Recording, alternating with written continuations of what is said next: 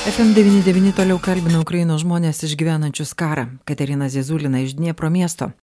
Katerina, kuriame Ukrainos mieste jūs gyvenate? Um, in Gyvenu Dniepre, anksčiau jis buvo vadinamas Dnepropetrovsku, galbūt kai kurie jūsų klausytojai taip jį žino. Tai didelis miestas per milijoną gyventojų ir, sakyčiau, Ukrainos viduryje. Yeah,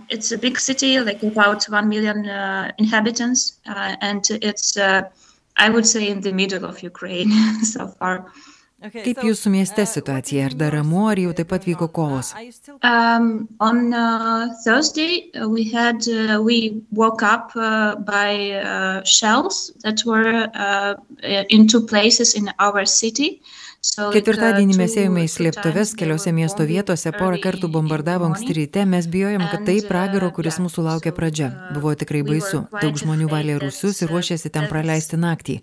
Tačiau ačiū Dievui, nuo ketvirtadienio mūsų mieste ramu ir tikiuosi, kad taip ir išliks. Tačiau gretimuose uh, rajonuose aktyvūs kariniai veiksmai Um, vyksta so ir mes nuolat gaudame žinias, kad būtume uh, pasiruošę, bet tikimės geriausio. Uh, people were cleaning their basement and were preparing for uh, um, spend uh, their nights in shelter. Uh, hopefully, thanks God, we like since uh, Thursday it's quiet in uh, our city, and uh, I'm hoping that it will continue the same way. Um, nevertheless, uh, from two neighboring cities, not not neighboring regions, there is quite active um, military actions, and so we are uh, scrolling and uh, listening to news uh, all the time, just uh, being ready. Um, yeah, for the worst and hoping for the best. Jūs dirbate savanorių centre. Um, Well, yeah, like normally I work in uh, another thing. Actually, I'm, I was working uh, in the sphere of education, in the sphere of peace education. Um, as funny as it could be at the moment, yeah. But uh, as uh, Normaliai aš dirbu edukacijos srityje, taikios edukacijos, kaip tai bebūtų dabar juokinga.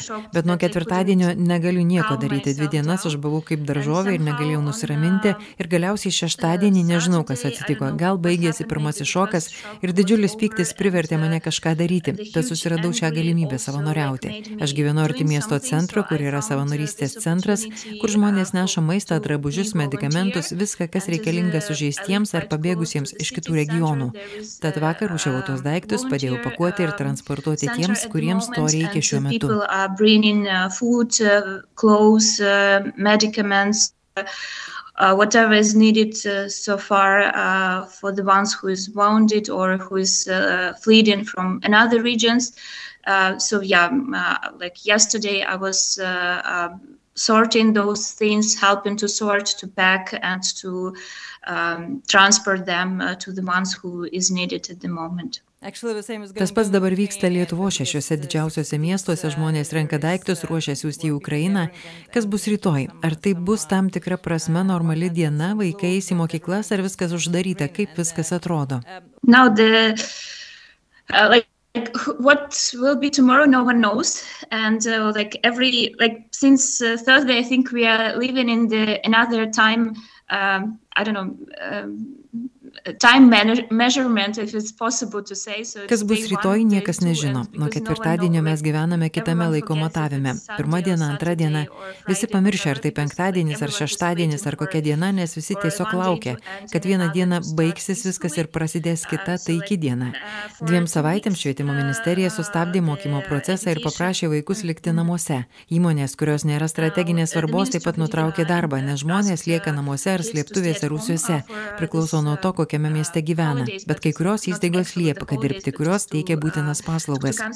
Tikrai nežinau, kas bus rytoj. Aš tiesiog noriu, kad karas baigtųsi ir Rusijos kariuomenė važiuotų namo iš mano tėvynės. Manau, mums reikės labai daug laiko žmonėms atsistatyti bei atstatyti infrastruktūrą. Manau, matėt pastatus sugriautus miestus, kuriuos bombarduoja. Bet svarbiausia, kaip reiks atstatyti žmonės psichologiškai. Nežinau, kaip sėdėti the kelias dienas ir tai išgyventi. And uh, yeah, and it's not possible to work. Uh, but yeah, some uh, some institutions and some uh, um, offices are open to uh, maintain some crucial uh, services. Um, and I really don't know what's happened. Like for me, the best way is to stop this war, to get for Russian troops to get out from my homeland, you know, and to. Uh, I think that we would need a lot of time to. Uh, for people to recover first and also to recover from for our infrastructure because I believe you saw uh, buildings that are destroyed and yeah, and cities that are were under shells. So like I don't know how how to repair all of this, and but most of most important how to repair people uh, psychology and uh, you know mental things because I, I, I, don't know how to stay in the basement for two days and uh, to uh, to survive this. They won't stay there for a long time.